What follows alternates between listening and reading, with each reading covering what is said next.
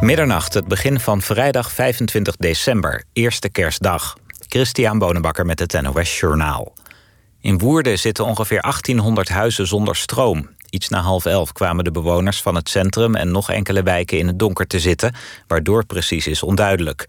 Netbeheerder Stedin zegt dat monteurs proberen de stroomvoorziening in Woerden te herstellen. Op NPO Radio 2 begint op dit moment de Top 2000. Als eerste wordt Can't Get It Out of My Head van Electric Light Orchestra gedraaid, de nummer 2000. De radiomarathon start dit jaar acht uur eerder dan voorheen... zodat er wat meer ruimte is om langere versies van nummers te draaien.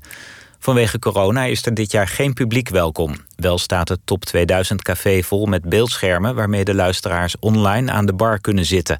De organisatie spreekt van de leukste Zoom-meeting van het jaar. De top 2000 wordt op oudejaarsavond vlak voor middernacht afgesloten met Rollercoaster van Denny Vera, de nieuwe nummer 1. De Spaanse koning Felipe heeft in zijn kersttoespraak een verwijzing gemaakt naar zijn vader Juan Carlos. Die wordt beschuldigd van corruptie en woont nu in Abu Dhabi. Koning Felipe zei in zijn toespraak dat ethische principes belangrijker zijn dan persoonlijke of familiale belangen. De vele coronabesmettingen in christelijke plaatsen hebben niet direct met het geloof of de kerk te maken, zeggen de betreffende gemeenten. Hooguit indirect, omdat de gezinnen er gemiddeld genomen wat groter zijn en de meeste besmettingen thuis plaatsvinden. De gemeenten vinden het niet juist dat er een verband met het geloof wordt gelegd, bijvoorbeeld omdat kerkdiensten nog zijn toegestaan. Ook het RIVM zei gisteren dat de gezinsgrootte waarschijnlijk de belangrijkste verklaring is. Maar er waren in een week tijd ook 227 besmettingen terug te voeren op een religieuze bijeenkomst. Dat is een half procent van het totaal dat herleid kon worden. Het weer. Aan zee kans op buien met hagel en natte sneeuw. Het koelt vannacht af tot rond het vriespunt. Ook morgen in de kustprovincies nog wat winterse buien. Elders is het overwegend droog en het wordt een graad of zes. Dit was het NOS Journaal. NPO Radio 1. VPRO. Nooit meer slapen.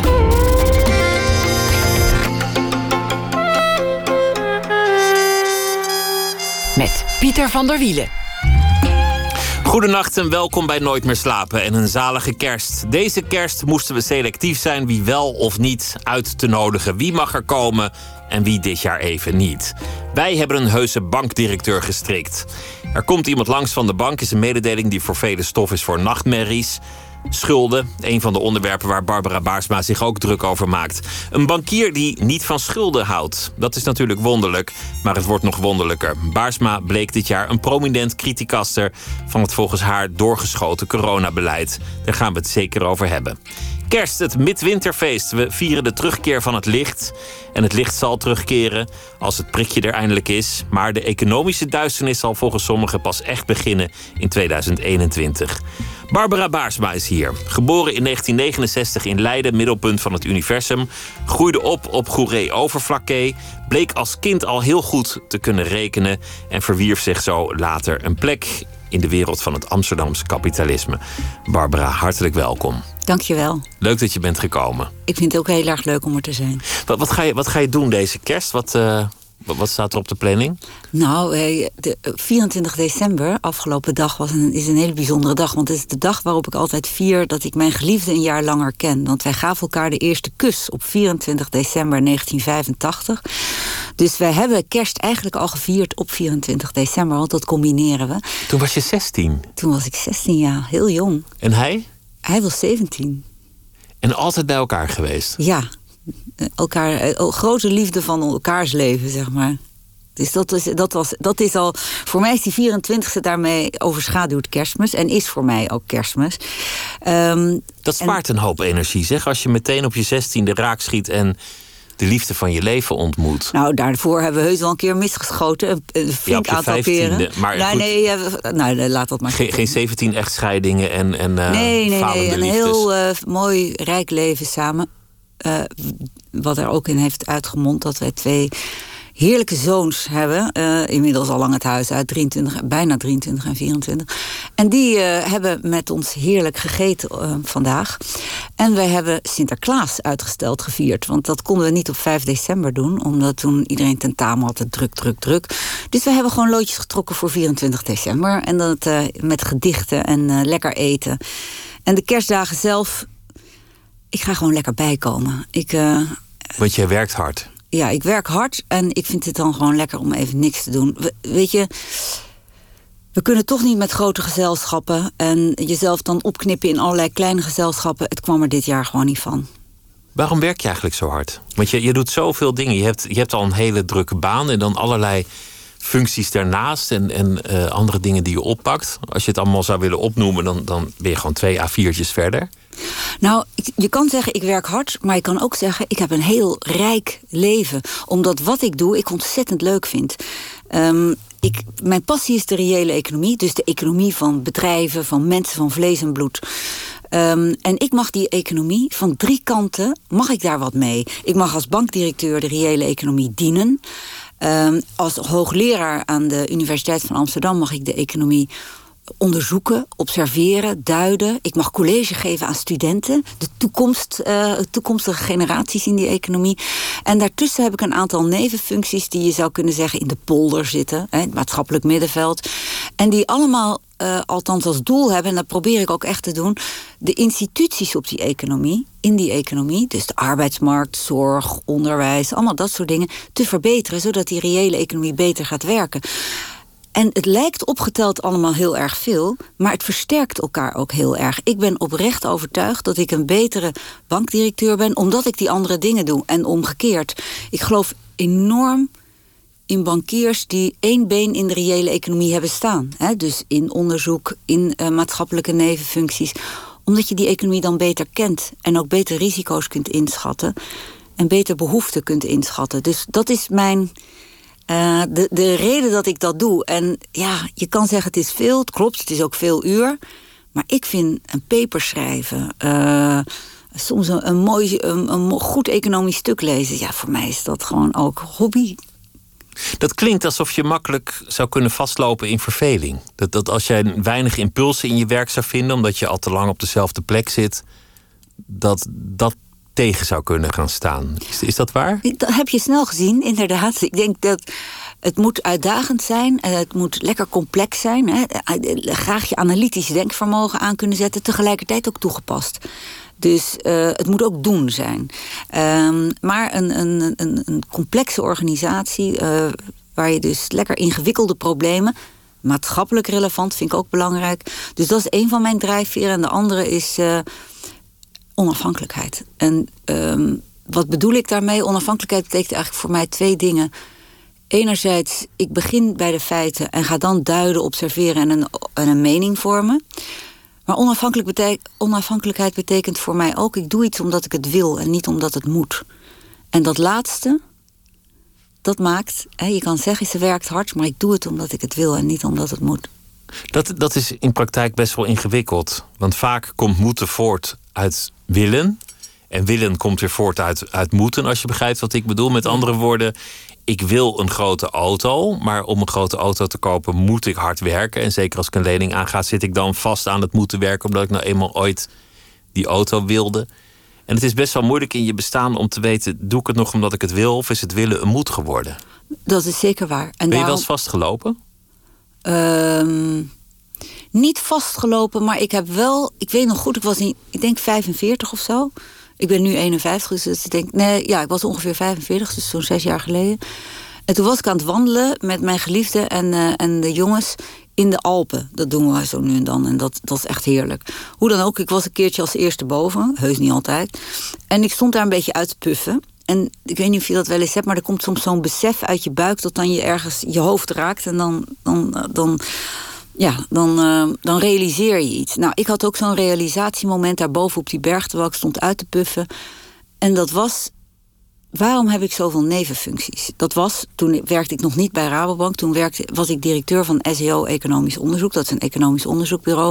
Ik was ook hoogleraar, maar ik had weet ik veel, ik geloof wel 15 commissariaten en, en allerlei andere dingen. En ik stond daar op die berg. En toen realiseerde ik me dat ik dat had omdat ik me mijn hoofdfunctie niet genoeg uitgedaagd voelde. En dat ik me daar dus verveelde. Of vervelen is misschien een wat negatief woord, maar in ieder geval te weinig uitdaging ervoor. En dat ik daarom ging stapelen. En dat is, dat is een, een slechte reden, vind ik. En dat, ik vond dat heel erg. Want, want ik vond mijn hoofdfunctie, dus directeur van SEO zijn, vond ik een heel hele fijne functie. Ik had daar mijn hart en mijn ziel in gegoten om, om daar groot succes van te maken. En het was ook een succes. Uh, door de jaren heen geworden. Uiteraard niet door mij alleen, maar door samenwerking met vele anderen. Maar en toen dat dan loslaten is alsof je. Ja, alsof je zegt: uh, ga het huis maar uit, kind. Weet je wel zo. En dat, dat vond ik echt een heel naar gevoel. En kennelijk had ik omdat ik dat gevoel niet wilde doorleven, allerlei functies ernaast gestapeld. Maar daar op die berg heb ik toen, terwijl ik naar beneden liep, gedacht: ik ga hier stoppen. Ik ga een nieuwe uitdaging zoeken en ik geef mezelf een cadeautje. En dat cadeautje dat heet tijd en aandacht. En toen heb ik gezegd, ik ga een jaar lang gewoon alleen met, weet ik veel, tien, tien mensen heb ik geloof ik, tien wat je dan zou kunnen noemen, captains of industry gesproken. En niet om te solliciteren, maar gewoon eens te reflecteren op wat zou ik later kunnen worden. Dit is mijn cv, dit ben ik, je kent me een beetje. Dat zei ik dan tegen die, die captains of industry. En um, nou, uiteindelijk hebben die gesprekken bij mijzelf tot um, heel veel reflectie geleid. En uiteindelijk tot de stap naar Rabobank geleid. Zo mooi wat je zegt. Wat zou ik later willen worden? Dat is een vraag die je automatisch aan een kind stelt. Aan een tiener, aan een student. Maar aan iemand van 45 wordt die vraag eigenlijk niet zo heel vaak gesteld. Ik heb mezelf nu weer gesteld. Wat wil ik later worden? Ja, ik sta weer op zo'n punt dat ik denk: wat wil ik later worden? En ik denk dat het goed is dat mensen zich dat als ze dat willen, ik bedoel niemand. Maar juist als onafhankelijkheid je drijfveer is. Als je, je drijfveer is, ik doe wat ik wil en ik doe iets om. Ik werk omdat ik dat wil en niet omdat het moet. Dan vind ik dat de, de spiegel daarvan ook is dat je jezelf om de zoveel tijd afvraagt: doe ik nog wat ik wil? Ben ik inderdaad niet nu in een patroon, in een, in een traject gestapt dat maar door en door gaat? Um, en ik heb dan, het, wat ik vind, echt rijkdom... dat ik die drie perspectieven heb op de reële economie. En ik kan steeds een ander perspectief nemen en kijken... hé, hey, doe ik dat nog goed? Ben ik daar nog het meest geschikt voor? Lever ik nog de bijdrage die ik dacht te kunnen leveren? Levert dat werk nog een bijdrage aan mijn ontwikkeling... zoals ik dat graag wil? Dus ik denk dat die reflectie, daar zijn voor mij de kerstdagen trouwens ook heel ideaal voor... om daar weer eens over na te denken. Zit ik nog... Wat wil je later worden? Ja, wat, wat wil je later worden? Ik wil in ieder geval steeds heel dicht bij mezelf blijven. Dus die, die drijfveren die ik heb, hè, dus het moet analytisch moet het zijn, lekker complex. Het moet niet alleen denken, maar ook doen zijn, dus toegepast. Ik ben niet voor niks hoogleraar toegepaste economie. Ehm, en het moet um, maatschappelijk zijn en het die onafhankelijkheid. Dat zijn voor mij echt vier dingen. En ik toets de hele tijd of uh, alle rollen die ik mag vervullen rond die reële economie of die nog passen bij die drijfveren. Of dat misschien mijn drijfveren zijn veranderd. En um, ja, dat vergt wat onderhoud, zo nu en dan. Uh, en ook wel uh, zo'n realisatiemoment als op die berg. Um, maar dat is prima. En uh, uiteindelijk brengt mij dat... Ik weet niet waar, want ik heb geen doel voor ogen... in de zin van een loopbaan, een, een status of een bepaalde positie... Maar ik heb wel een leercurve te gaan. En die leercurve wordt voor mij het meest gediend als ik zo dicht mogelijk bij die drijfveren blijf. Je moet die helling opgaan, je moet aan het leren zijn. Ja, mijn, mijn leercurve moet minimaal 45 graden stijl zijn, anders vind ik het niet leuk. Uh, en uh, nou, in sommige van de rollen waar ik nu zit, vind ik dat die leercurve te veel afgevlakt is. Dus ben ik dat aan het heroverwegen. Jouw, jouw moeder ging ook na haar veertigste nog studeren.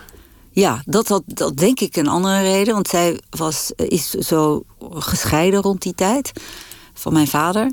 En um, ja, ik vind het super goed en super. Ik ben super trots op haar dat ze dat toen heeft gedaan. Zij heeft een opleiding gedaan voor humanistisch raadsvrouw en is gewoon die passie gaan volgen na de scheiding. Dus ze was aanvankelijk thuis bij de, bij de kinderen, maar ze heeft toen op een zeker punt die keus toch nog gemaakt. Ja, echt. Dat, dat is wel een goed voorbeeld, denk ik geweest voor jou? Uh, nou ja, ik, ja ik, ik heb niet. Ik heb, vind het ontzettend mooi dat ze dat gedaan heeft. Maar ik was, ik was al, uh, zeg maar, uh, op weg. Ik was al aan het studeren toen. Dus mijn, mijn, mijn voorbeeld is veel. Ja, ik, ik denk nooit zo in voorbeelden en rolmodellen. Mijn moeder is op, op niet zozeer als het gaat om. een voorbeeld als het gaat om opleidingen en dat soort dingen. Maar mijn, bij mijn beide ouders eigenlijk wel in de zin van gebruik het talent dat je hebt. Want uiteindelijk word je daar gelukkig van. Uh, dus weet ook goed welk talent je hebt. En, en er is nog een ander ding waarin mijn moeder een groot... Uh, waarin ik um, bewondering voor haar heb, en dat is haar geestkracht. Uh, zij heeft echt wel nare dingen in haar leven meegemaakt. En de, de manier waarop ze daarmee om is gegaan... ja, daar heb ik bewondering voor. En ook na zo'n scheiding dan die opleiding gaan doen. Ook al ben je 40 en toen was 40 echt ouder dan dat nu is, zeg maar. Ehm, dus dat vind, ik, dat vind ik mooi, ja. Geestkracht vind ik ook een mooi woord. Ja. ja. Je, je komt uit de familie van, van dokters eigenlijk veel meer. Ja, de, de kant van mijn vader is... Uh, nou, mijn vader was arts... Zijn broers waren arts, zijn vader is arts. Dus dat is allemaal arts, arts, arts. En mijn moederskant is uh, eigenlijk uh, heel veel uh, nou, notarisfamilie. Maar ook mijn grootvader, op wie ik denk ik best lijk, is een echte beta. Uh, en, uh, wat die kan rekenen, die snapt cijfers. Ja, en gewoon ook vooral analytisch. Uh, die, dat rekenen is echt een uiting daarvan. Maar, en, ik, ik, en mijn oom, haar broer, was, was, was kunstenaar. En ik heb die twee dingen geprobeerd te combineren in een verkeerde studiekeuze, overigens achteraf. Dat was industrieel ontwerpen. Dat is analytisch, want het zou heel wiskundig zijn, dat viel erg tegen. En het was creatief, want je kon ontwerpen. Maar dat moest ik heel veel met mijn handen doen. Dus zo toegepast ben ik ook weer niet. Dat ik, ik ben niet een goede met mijn handen mooie dingen maken zonder plakranden en, uh, en scheve, scheef gezaagde dingen en zo. Dat, dat, ik ben daar gewoon niet zo goed in. Dus uh, ik heb toen wel ontdekt dat ik ontwerpen heel erg leuk vind. Abstracte dingen ontwerpen, reguleringsschema's, uh, weet ik veel, um, organisaties, inrichtingen, dat soort van dingen. Dat vind ik leuk. Economische systemen. En ik denk dat, dat ik de creativiteit daarvoor van mijn oom heb dat ik van mijn grootvader dat analytisch vermogen heb. En ik denk van de artsenfamilie, de kant, als ik het, ik bedenk dat nu ter plekke, moet ik overigens zeggen hoor. Ik denk nooit zo, waar heb ik het allemaal vandaan? Maar misschien dat iets maatschappelijk relevant willen doen.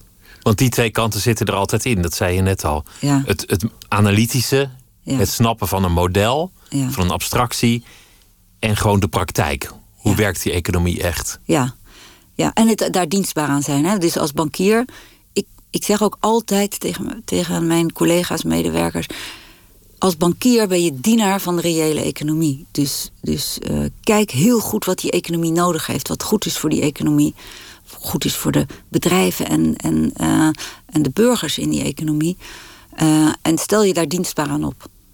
Wanneer wist je dat je goed kon rekenen? Was dat meteen al duidelijk? Had je, had je een telraampje in je box en, en was nou, je daar virtuoos mee? Of, of hoe, nou ja, voor mij is het rekenen klopt gewoon. Taal is chaos. Mijn, het is wel grappig dat mijn oudste, of onze oudste zoon, die zei dat ook een keer hardop. Toen dacht ik, ja, zo heb ik dat ook altijd gevoeld. Taal is leuk hoor. Bedoel, je kan er heerlijke gesprekken mee voeren. Je kan lezen en, enzovoort. Uh, en woorden zijn prachtig en ik hou van taal. Ik hou van columns schrijven enzovoort. Maar ik vind uh, uh, het, het, wiskunde, dat, dat, dat abstracte systeem, vind, is, dat klopt gewoon altijd. Dat, dat is veel makkelijker toegankelijk voor mij. En dat zat er denk ik jong in. Ik bedoel, of dat, nou ik weet dat niet precies meer, maar ik denk dat ik al vrij vroeg met de tafels bezig was. Ik was vrij vroeg bezig met uh, sommetjes maken. Um, maar ik schreef ook bijvoorbeeld een krant. De, die noemden we de BB-krant, Barbara Baarsma. En daar, ja, waar ging dat dan over? Ja, wel over ook bijvoorbeeld de beurskoersen en zo. Wist ik veel. Ik was geloof ik zo jong zes of zo, weet ik veel. Ja. Dus het ging wel over wat je dan zou kunnen noemen economisch nieuws. Maar het had ook dus met taal te maken. Maar het, dus dat, dat, ja, ik weet niet. Het is niet het een of het ander. Het zat er alle twee wel in. Alleen rekenen of wiskunde vind ik is voor mij makkelijker dat pak je heel makkelijk op en dan, dan snap je ook meteen wat er staat. Ja, het is, gewoon, het, is gewoon meer hoe ik denk, denk ik. Ja, ik weet niet, je hebt altijd twee kanten, de meerdere kanten in je hoofd. En ik vind taal ook heel leuk. Maar taal zijn altijd uitzonderingen. En, uh, ja, het is niet, niet altijd logisch. En dat is ook wel weer de schoonheid daarvan. Ik eigenlijk spelen met die woorden en zo. Maar wiskunde voelt makkelijker. En als jong kind uh, trok ik meer daarnaar, inderdaad, dan uh, naar de taal. 2020 was, was ook een jaar van, van getallen. We werden geregeerd door getallen. Ja. Door cijfers die omlaag moesten, omhoog moesten. Elke dag kregen we getallen over ons uitgestort. Ik heb in mijn journalistieke carrière één statistiekje geleerd. Dat is journalisten en statistiek gaat 90% van de gevallen mis. Want, want het zijn natuurlijk uiteindelijk in dit vak heel veel alfa's. Die, die gewoon, ja, we moeten daar eerlijk in zijn, niet heel goed zijn in het precies neerzetten wat een getal betekent. Er was, er was dit jaar heel veel slordigheid met getallen. Bijvoorbeeld, elke ochtend op het nieuws hoor je: vandaag waren er zoveel besmettingen. Strikt genomen niet waar. Vandaag zijn er zoveel mensen positief getest. Dat is iets anders dan hoeveel er besmet zijn, want dat, dat getal ken je niet. Dan moet je natuurlijk kijken, is dat relatief tot het aantal afgenomen testen? Je moet, je moet dat corrigeren voor, voor andere gegevens. En, en ik meen te hebben gezien dat, dat er eigenlijk een enorme slordigheid in de modellen is geslopen. Hoe, hoe heb jij daarnaar gekeken? Nou, die modellen misschien niet, maar wel de wijze waarop het gepresenteerd wordt en ook waarop het gebruikt wordt in de politieke arena. Uh, die dagkoersen, als ik ze zo mag noemen, die uh, inderdaad niet altijd gecorrigeerd zijn voor de hoeveelheid mensen die getest is. Uh, dus ik zou, ik zou gewoon percentages geven hè, van hoeveel mensen zijn getest positief, en hoeveel positief hadden het. getest. Ja. ja. want dan, dat zegt misschien uh, meer. Uh, maar sowieso waren er heel veel cijfers. En ik zit dan ook te denken, waarom worden deze cijfers zo gepresenteerd? En uh, ik kijk dan veel meer als ik. Ik bedoel, je kan die cijfers gaan corrigeren enzovoort. Maar dat, dat ja, dat heeft nooit. Dat, ik, heb, ik heb geleerd dat dat niet altijd zin heeft. Maar dan probeer ik te bedenken, waarom is het kennelijk nodig om nu deze cijfers zo, dag in dag uit op dezelfde tijd een persconferentie die. Nou, in het begin waren het zelfs persconferenties, later waren het meer dat het gewoon wordt overgenomen op allerlei, in allerlei nieuwsmedia.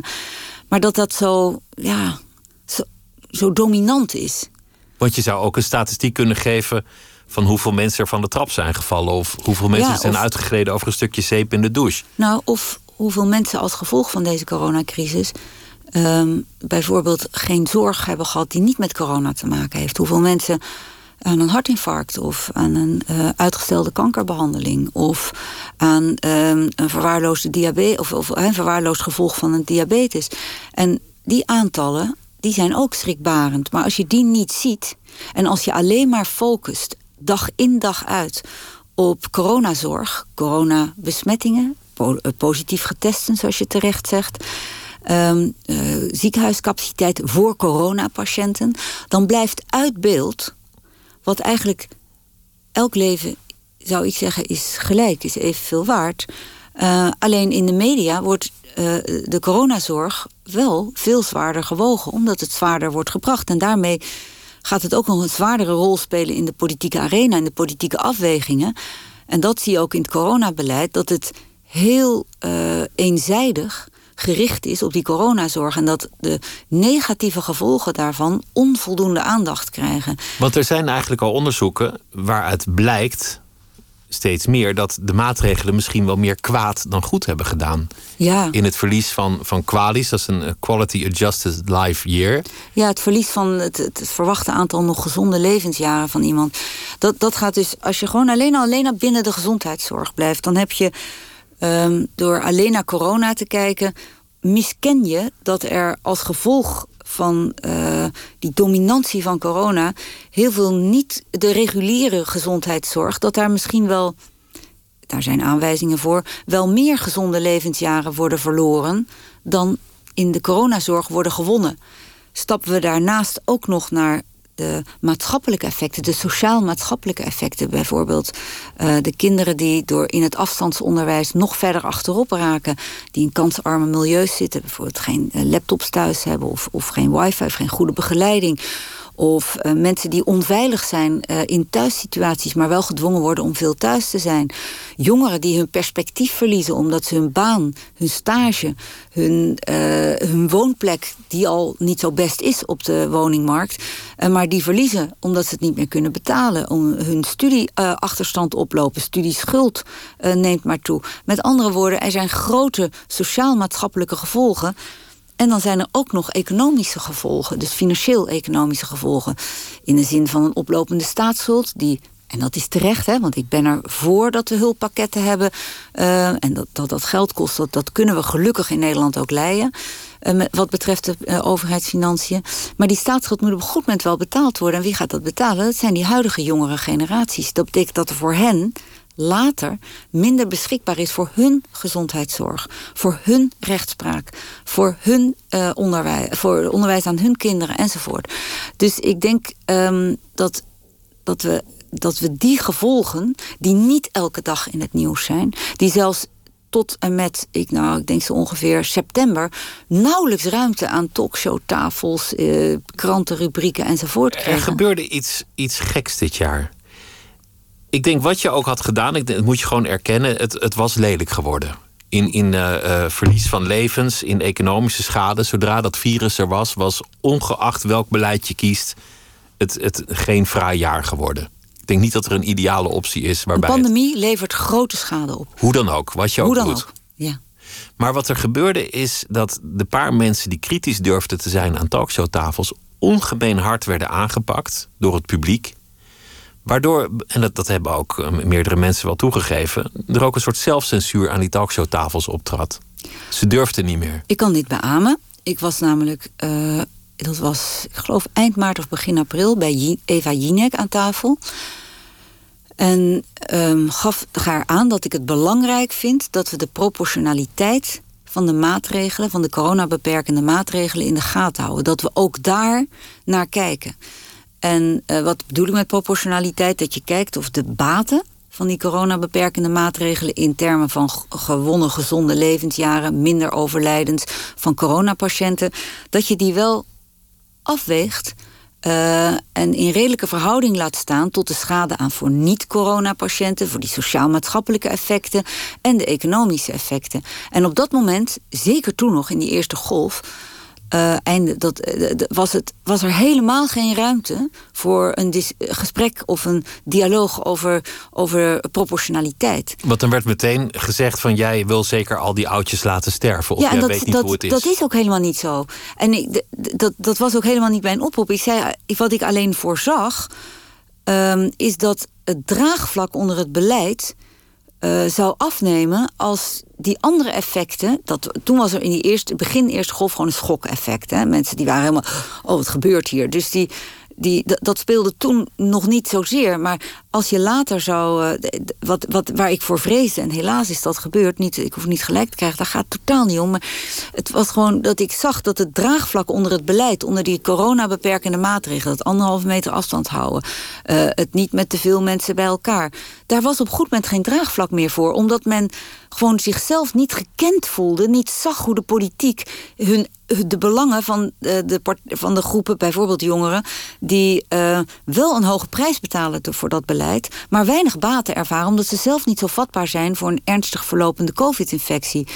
En ik, als dat draagvlak minder is eh, en, en zou afnemen, dan kom je in een padstelling. Want dan kun je eigenlijk alleen nog maar strikter beleid op strikter beleid zonder dat het draagvlak daarmee toeneemt. Dus waar ik daarvoor pleitte, was het maken van een afwegingskader waarin je die verschillende belangen van die verschillende groepen, jongeren, kwetsbare ouderen, ehm, eenzame ouderen in een verpleeghuis, eh, allerlei verschillende groepen op wie die maatregelen totaal verschillende effecten heeft, dat je laat zien als politiek. Ja, we hebben die effecten gezien, we hebben het gemeten, we, we, brengen het in kaart en we hangen er deze gewichten aan. En we komen uiteindelijk tot dat besluit. Ik vind in een moderne democratie mag je dat ook verwachten, dat er op zo'n transparante en expliciete manier beleid wordt gevormd. En dat, daar was gewoon geen, geen sprake van. Nou Want, kon want dat er niet. mocht niet gedifferentieerd worden. Dat was eigenlijk de, de kern van het beleid in het begin. We gaan geen onderscheid maken voor groepen. Niet een ander beleid voor, voor verpleeghuizen dan voor, voor gewoon eh, de dertigers. Nou, in het begin was er überhaupt niet ineens de ru- ruimte om daarover na te denken. Dat snap ik ook. Dus in het begin, eh, die eerste paar weken, dat je gewoon zegt: we doen een, een lockdown. Of of die nou intelligent is of niet, kan ik niet beoordelen. Want ik kan niet zien welke, eh, wat precies de, de, de maatschappelijke kosten en baten daarvan zijn. Of de voor- en nadelen, zo je wilt.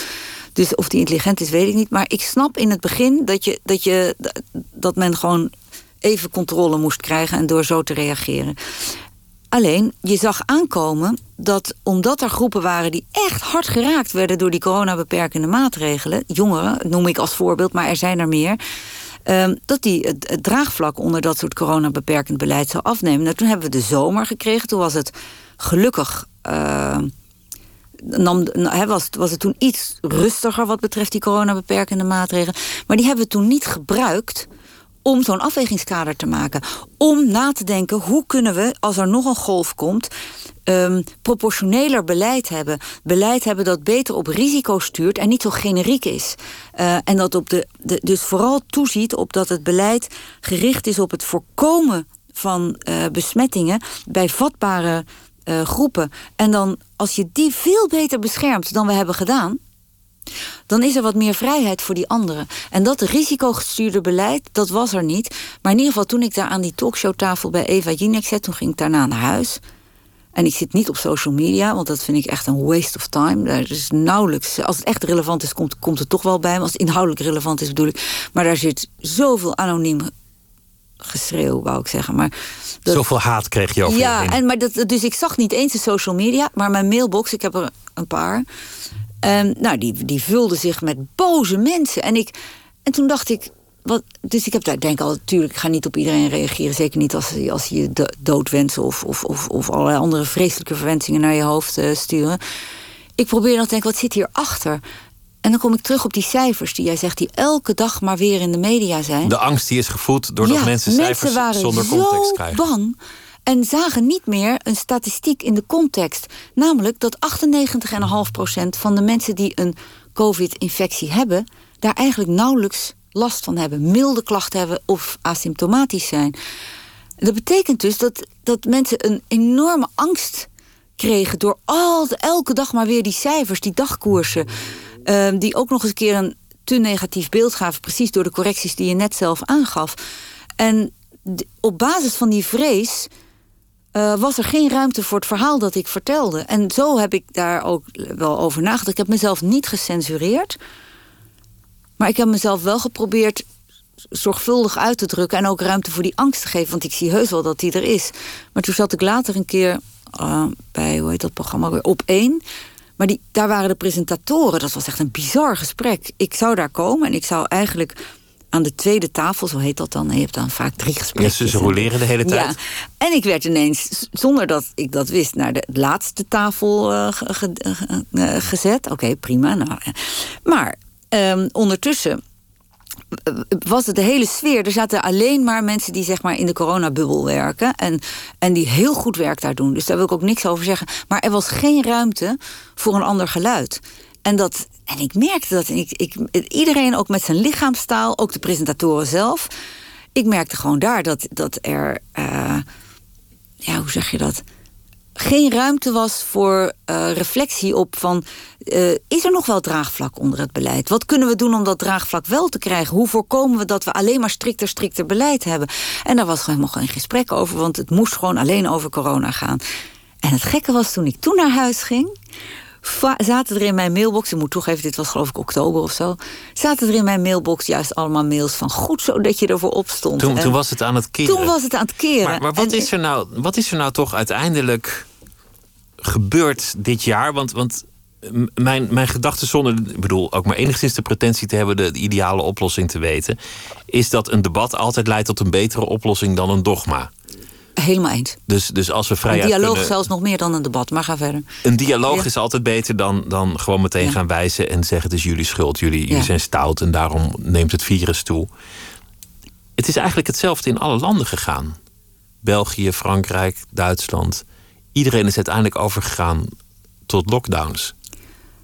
Ja, nou, ze hebben wel nou een verschillende weg. Ze hebben wel allemaal een verschillende weg gevolgd. Um, Zweden heeft een en Denemarken hebben een hele andere weg gevolgd dan, dan, uh, dan, wij, eh, dan Nederland. En ook weer, wij weer anders dan Duitsland enzovoort. En ik probeer, ik, ik, heb, ik zit nu, uh, omdat we ons toch echt heel. Ik maak mij heel erg zorgen over wat dit op de middellange en lange termijn doet met de economie. Echt oprecht zorgen over wat dit doet met de jongeren die nu en de kinderen die nu in afstandsonderwijs, zeg maar, verpieteren, als ik het even zo mag zeggen. Wat dat doet, of mensen die langdurig werkloos raken, ondernemers die hun levenswerk weg zien gaan, eenzame mensen die nog verder eenzamen. Wat dit doet op de middellange en de lange termijn, ook met die niet-COVID-patiënten die gewoon minder goede zorg krijgen en daardoor minder gezonde levensjaren hebben, of misschien toch, ja, uh, en ook gewoon eerder zullen sterven. Daar maak ik mij grote zorgen over. En in die zorg ben ik een aantal collega's tegengekomen, collega-economen. Maar we hebben samengewerkt met artsen. En wij, we zitten in een groepje dat, dat heet Herstel, Herstel NL. En ik leer heel veel van die artsen. Want uh, in de media wordt net gedaan of alle artsen aan coronazorg werken. Maar er zijn ook heel veel artsen die juist zich ontzettende zorgen maken over die niet-coronazorg. En in de medische literatuur, waar ik als econoom gewoon minder vaak in kijk dan in de economische literatuur, zijn een aantal interessante internationale vergelijkingen gedaan. En daar blijkt uit dat tot op heden, is natuurlijk het onderzoek nog niet uitgekristalliseerd, dus dat allemaal voortschrijdend inzicht kan daar nog aan worden toegevoegd. Maar dat die lockdowns er niet toe leiden dat um, kwetsbaren beter beschermd worden. En dat heeft ons ertoe aangezet, mede toe aangezet, dat soort van onderzoek. Uh, plus die, dat afwegingskader met uh, maatschappelijke kosten en baten, zeg maar meer de economische blik, de maatschappelijke blik. Om op te roepen tot meer risicogestuurd beleid. Waarbij je juist die kwetsbaren voor een ernstig verlopende COVID-infectie veel beter kunt beschermen. En dus wat je in een lockdown niet kan doen. Een veel fijnmaziger beleid. Veel fijnmaziger. En ook en creatiever. Hè? ik, ik kijk nu om je heen in die lockdown. Taxis staan stil. Cateringkeukens zijn, zijn stil. Um, schoonmakers hebben, hebben veel minder werk. Uh, laten we kijken hoe, we, hoe de overheid die capaciteit, die, die goede capaciteit kan inzetten om mensen die kwetsbaar zijn mogelijk te maken om in zelfquarantaine te blijven, om thuis te blijven. Geef ze een voucher voor een taxi. Geef ze een voucher voor schoonmakers. Laat die schoonmakers en taxichauffeurs met sneltesten zich ook uh, laten zien dat ze geen corona hebben, zodat het veilig is voor die kwetsbare mensen om, um, om, om naar een ziekenhuis met een taxi te gaan. Uh, om een maaltijd vanuit zo'n cateringkeuken te krijgen, zodat ze zelf geen boodschappen hoeven te doen. En voor die mensen die dat wel, uh, die wel nog zo nu en dan uh, naar buiten willen, dat ik heel goed kan begrijpen, dan alleen maar in zelfquarantaine te zitten. Laten we veilige zones, laten we veilige gebieden aanwijzen waar super strikte maatregelen gelden, waar iedereen die daarin komt daar ook aan moet voldoen. En dan kan het daar buiten, kan het veel vrijer zijn. Degene die niet kwetsbaar zijn, kwetsbaar voor een ernstig verlopende COVID-infectie. Dus niet van COVID-infectie aan zich, maar een ernstig verloop. Dus ouderen, mensen met onderliggend lijden. Um, laten we daar het beleid op richten. En laten we ook een speciale ziektewet maken voor de mensen die niet thuis kunnen werken. Maar eigenlijk wel thuis willen blijven omdat ze of zelf kwetsbaar zijn of een huisgenoot hebben die kwetsbaar zijn. Maar er is iets geks gebeurd dit jaar waardoor iedereen elkaars beleid min of meer kopieerde. Beginnend in China en de Chinese cijfers gaven aanleiding, maar die zijn eigenlijk helemaal niet betrouwbaar. Nee, maar dat beleid hebben wij niet gekopieerd en dat kan niet, want wij zijn niet zeg Geen maar, dictatuur. dictatuur. Maar uh, ik snap wel wat je bedoelt. Um, uh, in het begin was er de schrikreactie en was het gewoon ferm beleid. Was er ook uh, goede naleving daarvan. En daarna, toen men merkte Hè, dat cijfer dat ik net zei, die 98,5% van degenen die besmet zijn, hebben eigenlijk niet zo heel veel meer last dan van een stevige griep. Of, of helemaal mildere klachten of helemaal geen klachten. En dat deed iets met dat draagvlak. En men had ook echt last van andere uh, neveneffecten van het beleid.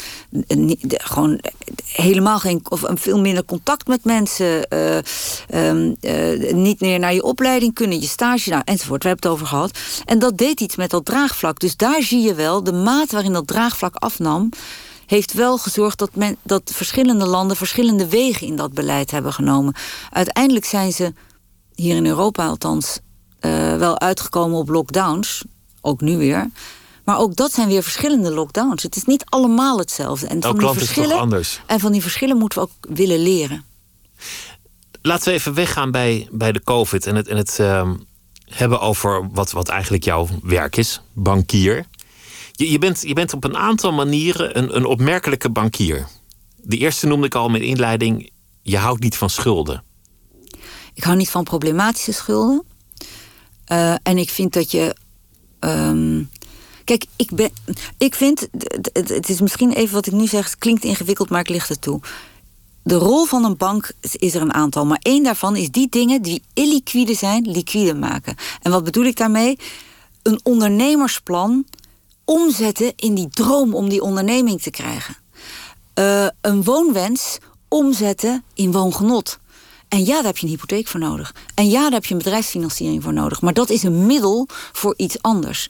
En ik vind dat je per keer moet bekijken, gegeven dat ondernemersplan, gegeven wat daarin zit, de kansen, misschien zit daar toch ook wel een aantal zwakkere punten in. Wat is nou verstandig om hier aan schuld, uh, aan, aan bedrijfsfinanciering, aan deze onderneming, met, uh, voor deze onderneming op te Terughoudender zijn. Nou, in ieder geval heel goed, heel goed kijken naar wat heeft deze ondernemer nodig om zijn droom te verwezenlijken?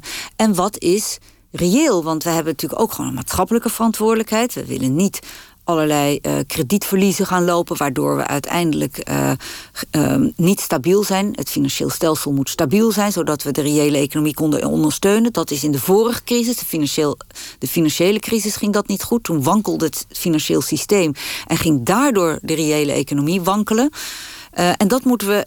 Ik heb daarvan echt geleerd dat dat dienstbaar zijn aan die economie is goed kijken wat is er nodig om zo'n ondernemersplan om te zetten in een toekomstvaste onderneming en niet uh, een nachtmerrie, om het zo te zeggen. Een nachtmerrie moet je niet willen financieren. Heb je, heb je momenten dat je je schaamt voor de sector waarin je werkt?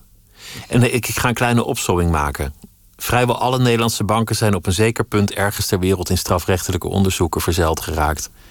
Vrijwel alle Nederlandse banken waren betrokken bij wat uiteindelijk zou leiden tot die kredietcrisis in, in 2008. Maar er zijn ook de alledaagse maatschappelijke problemen. Er zijn financiële instellingen die rente over rente over schulden die niet betaald worden 15 tot 17 procent rente durven te vragen. Dan heb ik het over bepaalde creditcards bijvoorbeeld. Ja. Nou ja, iedereen die verstand heeft van wiskunde weet, daar kom je nooit meer uit. Nee, dat, dat, gaat niet dat lukken. Dat is een bodem onder problematische schulden, heb je helemaal gelijk in. Uh, is, er, is er schaamte, voel je dat? Nee, ik voel me verantwoordelijk. Schaamte vind ik zo'n. Uh, niet de emotie die ik voel. Kijk, ik ben in 2016 naar Rabobank gegaan. Heel bewust. Omdat ik namelijk um, hoopte. Dat, en dat is nog steeds een van mijn drijfveren. Dat als je echt op wil stellen als dienaar van die reële economie. en ook zorgt dat je goed in die reële economie ziet wat daar nodig is. door die andere rollen die ik heb. Dus door met één been in de reële economie te staan hoop ik dat ik iets van het vertrouwen dat verloren is gegaan kan terugwinnen. Helpen dit soort dingen daarbij? Nee. En ben, vind ik, maar wat kan ik dan doen? Kan ik dan, als, kan ik dan vanaf de zijlijn uh, aan talkshowtafels en opiniestukken daar kritiek op hebben? Of kan ik bij een bank gaan werken en proberen te veranderen? Ik heb voor dat laatste gekozen. Van binnenuit vechten? Van binnenuit. En ja, soms, ja, een gevecht, ik wil het niet zeggen. Het is ook bewustwording. Het is ook. Um, het met elkaar heel goed bespreken van bijvoorbeeld een kredietcommissie. Dat klinkt misschien super saai, maar dit is zo belangrijk. Dat is het vakmanschap van elke bankier, want daar ontstaan schulden. En daar de afweging maken van gaan wij, gaan wij dit doen? Eh, zijn we hier uiteindelijk, en de economie in brede zin, maar ook deze specifieke persoon of dit specifieke ondernemer aan het helpen?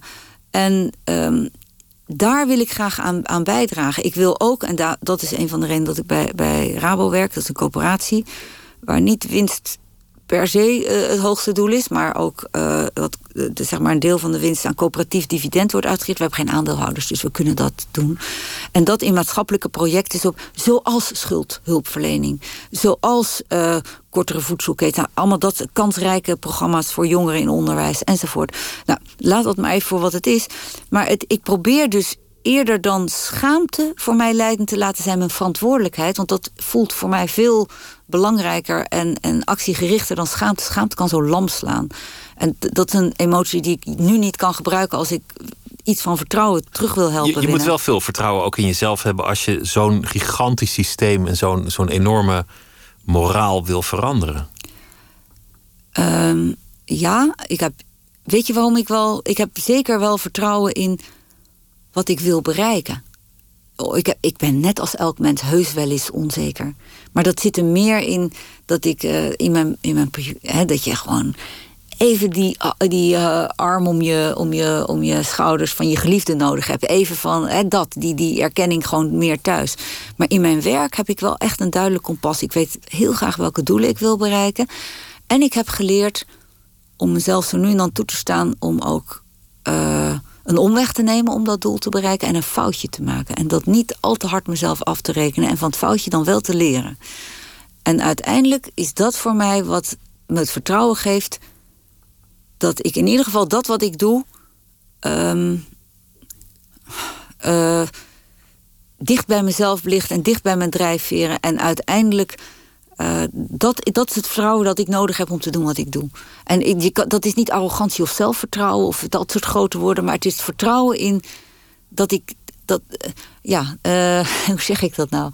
Het vertrouwen dat ik. Um, dat ik een bijdrage kan leveren. Dat je iets te bieden hebt. Ja. En kan helpen om dat negatieve imago van de sector, dat soms ook echt karikaturaal werd, Ja, en dan, dan ga ik er ook, dan sta ik ook wel op, want ik vind, kijk, wij kunnen pas uh, die dienaar van de reële economie zijn als we vertrouwd worden door die reële economie. Als we vertrouwd worden door bedrijven en door burgers en bestuurders en politici enzovoort. Dat realiseer ik me terdege. Dus op het moment dat ik vind dat er iets karikaturaals of als de regulering te ver doorschiet, um, dan zeg ik dat ook. Neem bijvoorbeeld nu in deze crisis, op dit moment, um, zijn met name de kleinere kredieten aan, aan het kleinere MKB zijn ingewikkeld voor banken om nog te kunnen leveren. En ik vind dat we dan met elkaar daar maatschappelijk gesprek over moeten hebben. Want waar hangt dat mee samen? Nou, het is heel bewerkelijk om van een klein bedrijf een, uh, het kredietrisico in te schatten.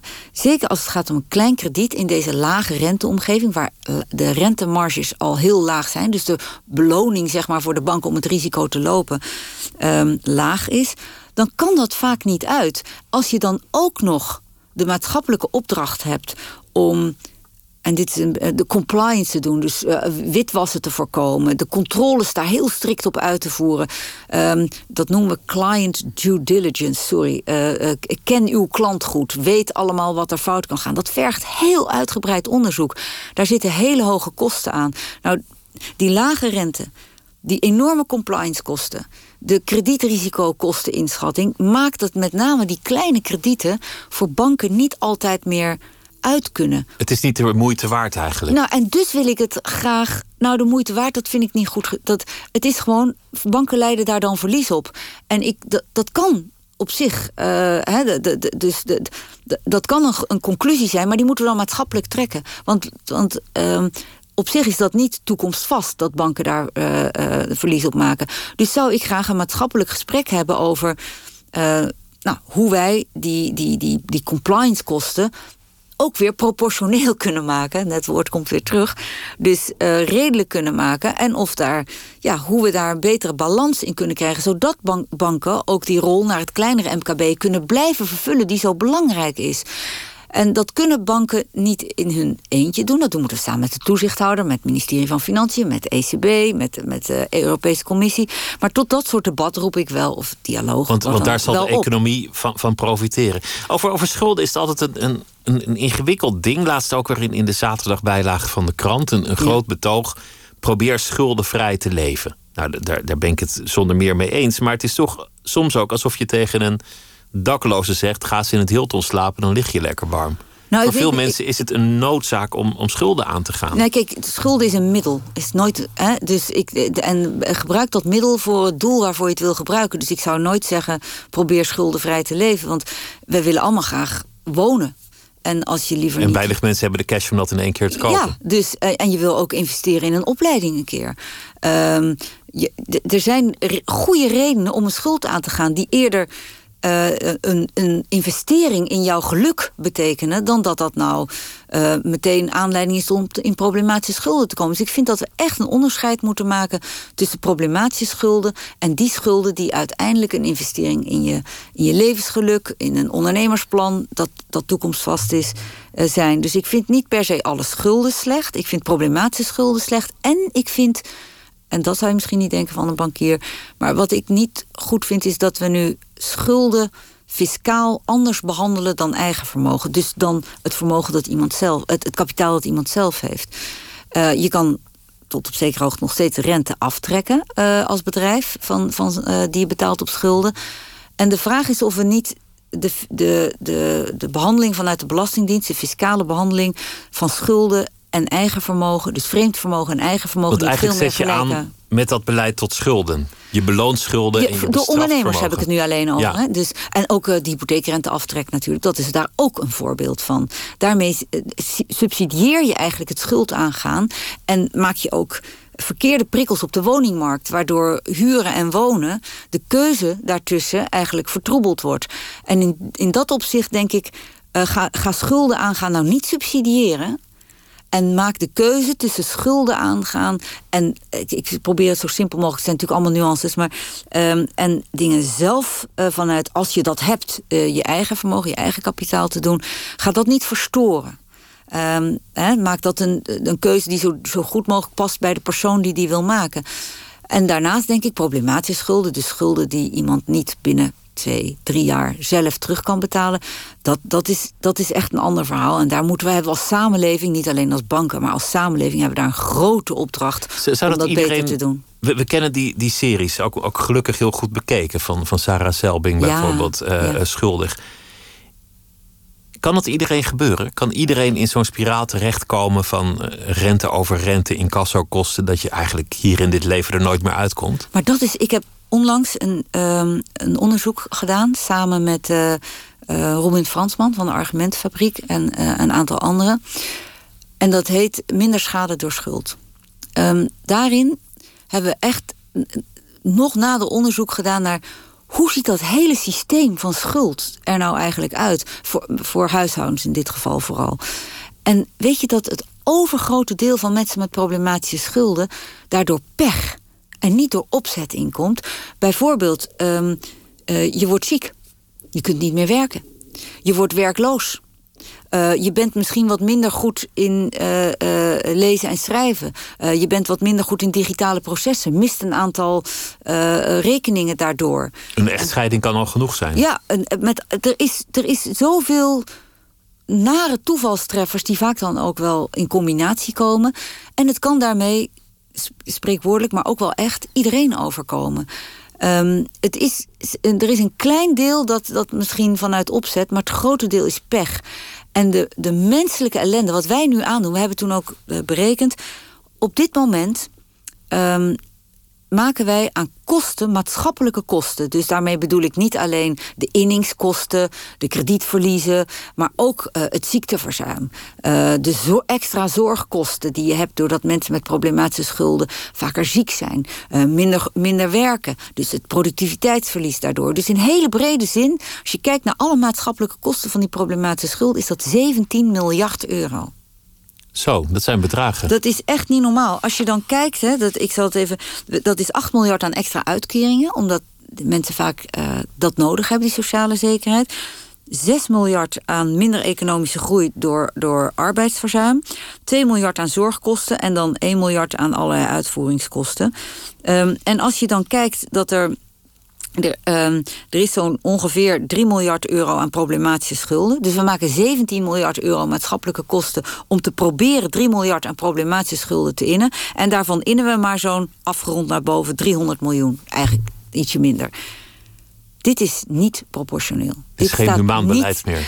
En als je dan weet dat heel veel van de mensen in die problematische schulden, die zitten daar nou, überhaupt voordat ze hulp vragen zijn ze al jaren verder. En, zijn, hè, en, en is het aantal uh, schuldeisers echt opgelopen tot, tot een heel complex aantal. Um, en dat, dat, ja, 14 schuldeisers. Uh, en dat betekent dat je dat het ook heel moeilijk is voor die persoon om zelf tot oplossingen te komen. Nou, als ze dan in een saneringstraject gaan, dan duurt dat nog vele jaren. En vaak zit zo iemand vijf, zes, zeven tot wel tien jaar in de problematische schulden. Het menselijk leed dat daar speelt, dat moeten we ons als samenleving echt aantrekken. En daarom hebben we dat rapport gemaakt. Dat, dat heb ik vanuit de Rabobank gedaan, overigens. Um, en uh, daarom moeten we ook, hebben we opgeroepen, en ik, ik ben er wel een beetje trots op, dat heeft tot iets geleid. Hebben we opgeroepen om um, die, die, die, die schuldtrajecten, die nu vaak uh, vele jaren lopen, in te perken tot een jaar, anderhalf jaar, veel minder. En er is een kamerbrede motie alle partijen hebben dat onder, uh, hebben dus ondertekend om inderdaad die saneringstrajecten, die schuldsaneringstrajecten in te perken tot een jaar, anderhalf jaar. Het, het lijkt eigenlijk tot nu toe een beetje zoals uh, in de 19e eeuw. Daar werden mensen met schulden gewoon in de gevangenis gezet. En dan ja, kon je niet betalen, want je zat in de gevangenis. Dus, dus dat is eigenlijk het, hetzelfde soort beleid. Daar, daar moeten we denk ik vanaf. Ja, het voelt waarschijnlijk voor die mensen inderdaad als een gevangen. Gevangen in hun schuld, gevangen in hun. Uh, voor een deel schaamte. Uh, voor een deel het niet meer kunnen meedoen aan, de, aan, aan het leven. Dus ja, het is erg belangrijk dat we daar iets aan doen. Ik wil opwekkend eindigen, want, want het wordt 2021 een ongewis en uitdagend jaar voor ja. de economie. Dat, dat, dat is een, een, een, feit. Maar ik heb dit jaar ook eigenlijk met, met veel plezier gekeken naar de enorme creativiteit bij ondernemers. Tijdens, tijdens al die COVID-lockdowns en maatregelen hoe ontzettend innovatief mensen zijn gebleken. Maar ik, als ik, ik hoop, kijk, ik ben heel. Uh, ik maak mij grote zorgen over de effecten van het beleid en, die, en de pandemie enzovoort. Maar tegelijkertijd, ik ben van nature een optimist. Ik geloof in wat Karl Popper zei, hè, de filosoof. We kennen de toekomst niet. Maar samen kunnen we bepalen hoe die eruit ziet. Uh, en daarom is optimisme een burgerplicht. Mijn geluk is, ik ben van nature een optimistisch mens. Dus deze plicht weegt niet zwaar. Uh, en ik geloof oprecht dat als wij de coronacrisis als we die gebruiken om ervan te willen leren, als we ons open opstellen, dan kunnen we prachtige lessen uit die coronacrisis leren. En niet lessen die ineens um, heel nieuw zijn, die ook voor een deel al voor de crisis speelden, maar die zoveel pregnanter zijn geworden en op zoveel meer draagvlakken en politiek draagvlakken ook kunnen rekenen. Maar waar denk dus je dan aan? Kans, oh, ik heb, ik heb een lijstje altijd met, met een stuk of vijf, zes dingen. Ik weet niet hoeveel tijd we nog hebben, dus eh, remmen maar af als ik te veel zeg. Maar het eerste is de arbeidsmarkt. Wat gebeurde er in de coronacrisis? De mensen met een flexcontract, de zelfstandigen, waren de sjaak. Die verloren als eerste hun werk, hun baan. En nog duidelijker werd dat, de, dat die arbeidsmarkt nodig gemoderniseerd moet worden. De recepten liggen al op de plank. De commissie Borstlap, de WRR, eh, Platform Toekomst Arbeidsmarkt. We weten wat we moeten doen. En ik hoop dat het volgend kabinet, dat in maart wordt gekozen, dat ook gaat doen. En voor zover mijn politieke antennes goed gericht zijn, krijg ik de indruk dat dat ook gebeurt. Daaraan gekoppeld dat gat tussen vast en flex minder groot maken... door flex minder onzeker te laten zijn en vast minder risicovol en duur voor, voor werkgevers... zodat er meer vaste contracten komen... Um, is gekoppeld een lang leven het leren agenda. Dus niet uh, uh, een leven lang leren, dat voelt als gevangenisstraf, waar we het net over hadden. Maar echt als een kans om juist uh, je, je vaardigheden op peil te houden, om baanzekerheid, nee, sorry, werkzekerheid te krijgen, want baanzekerheid is een mythe. En in deze coronatijd is ook maar gebleken, omdat er ineens sectoren waren waar helemaal geen werk meer was, en er sectoren waren waar, veel waar, waar tekort is aan werk, nog altijd. Denk aan de IT-sector, techbanen, de energietransitie. Daar gaan we heel veel banen krijgen in de zorg en misschien ook wel in het onderwijs. Uh, dat, dat je mensen stimuleert, prikkelt en het mogelijk maakt met een individueel leerbudget, met massieve scholingstrajecten, om naar die tekortberoepen te gaan. En dus de arbeidsmarkt, zowel het leerelement als het contractelement, het zekerheid hebben op die arbeidsmarkt, werkzekerheid. Dus dat, dat is het eerste. Tweede is een les. Als er iets duidelijk werd in de coronacrisis, is dat digitalisering essentieel is voor bedrijven met name het kleine MKB is nog onvoldoende gedigitaliseerd. Die kon niet transacties blijven doen met toeleveranciers en klanten. En moesten daarom delen van hun uh, ondernemingen uh, uh, laten krimpen. Dat was voor de crisis al duidelijk, maar is nu nog duidelijker. En als we nou massieve digitaliseringsprojecten aanzetten voor, voor het MKB... en daarbij bijvoorbeeld studenten die goed zijn in digitalisering... in die bedrijven brengen en ze wijzer maken... dat is MKB Digital Workspace, is nu al opgezet. Laten we dat groot maken maar ook in het onderwijs. Het is toch een godspe dat die kinderen afhankelijk van of de docent een beetje op kon gaan met digitalisering, met, met op afstand leren, of ze wel of geen goed afstandsonderwijs hadden. Het onderwijs moet noden massief gedigitaliseerd worden, althans digitale vaardigheden krijgen, want ik geloof Kortom, zeer. En ook de zorg, maar ook de zorg. Nog even dit, want pas in de coronacrisis, laatst was dat ook aan een van die talkshowtafels, dat ze nu ineens data gaan delen tussen IC, IC's in het land. Ik dacht, hè, doen ze dat dan nog niet?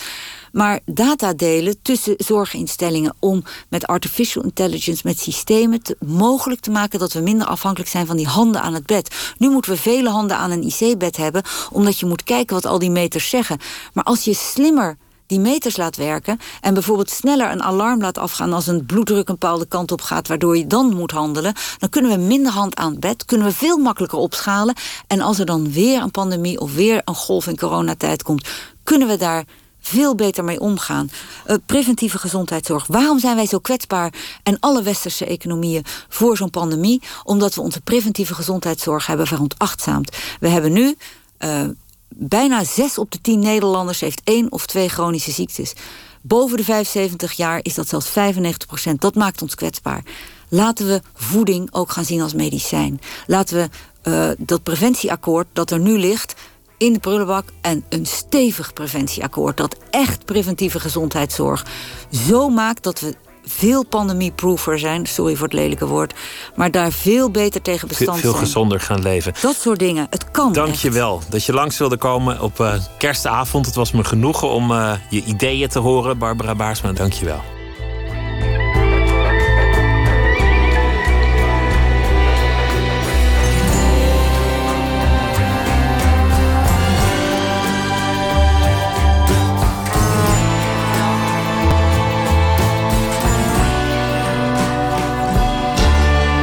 Radio 1. Het nieuws van alle kanten.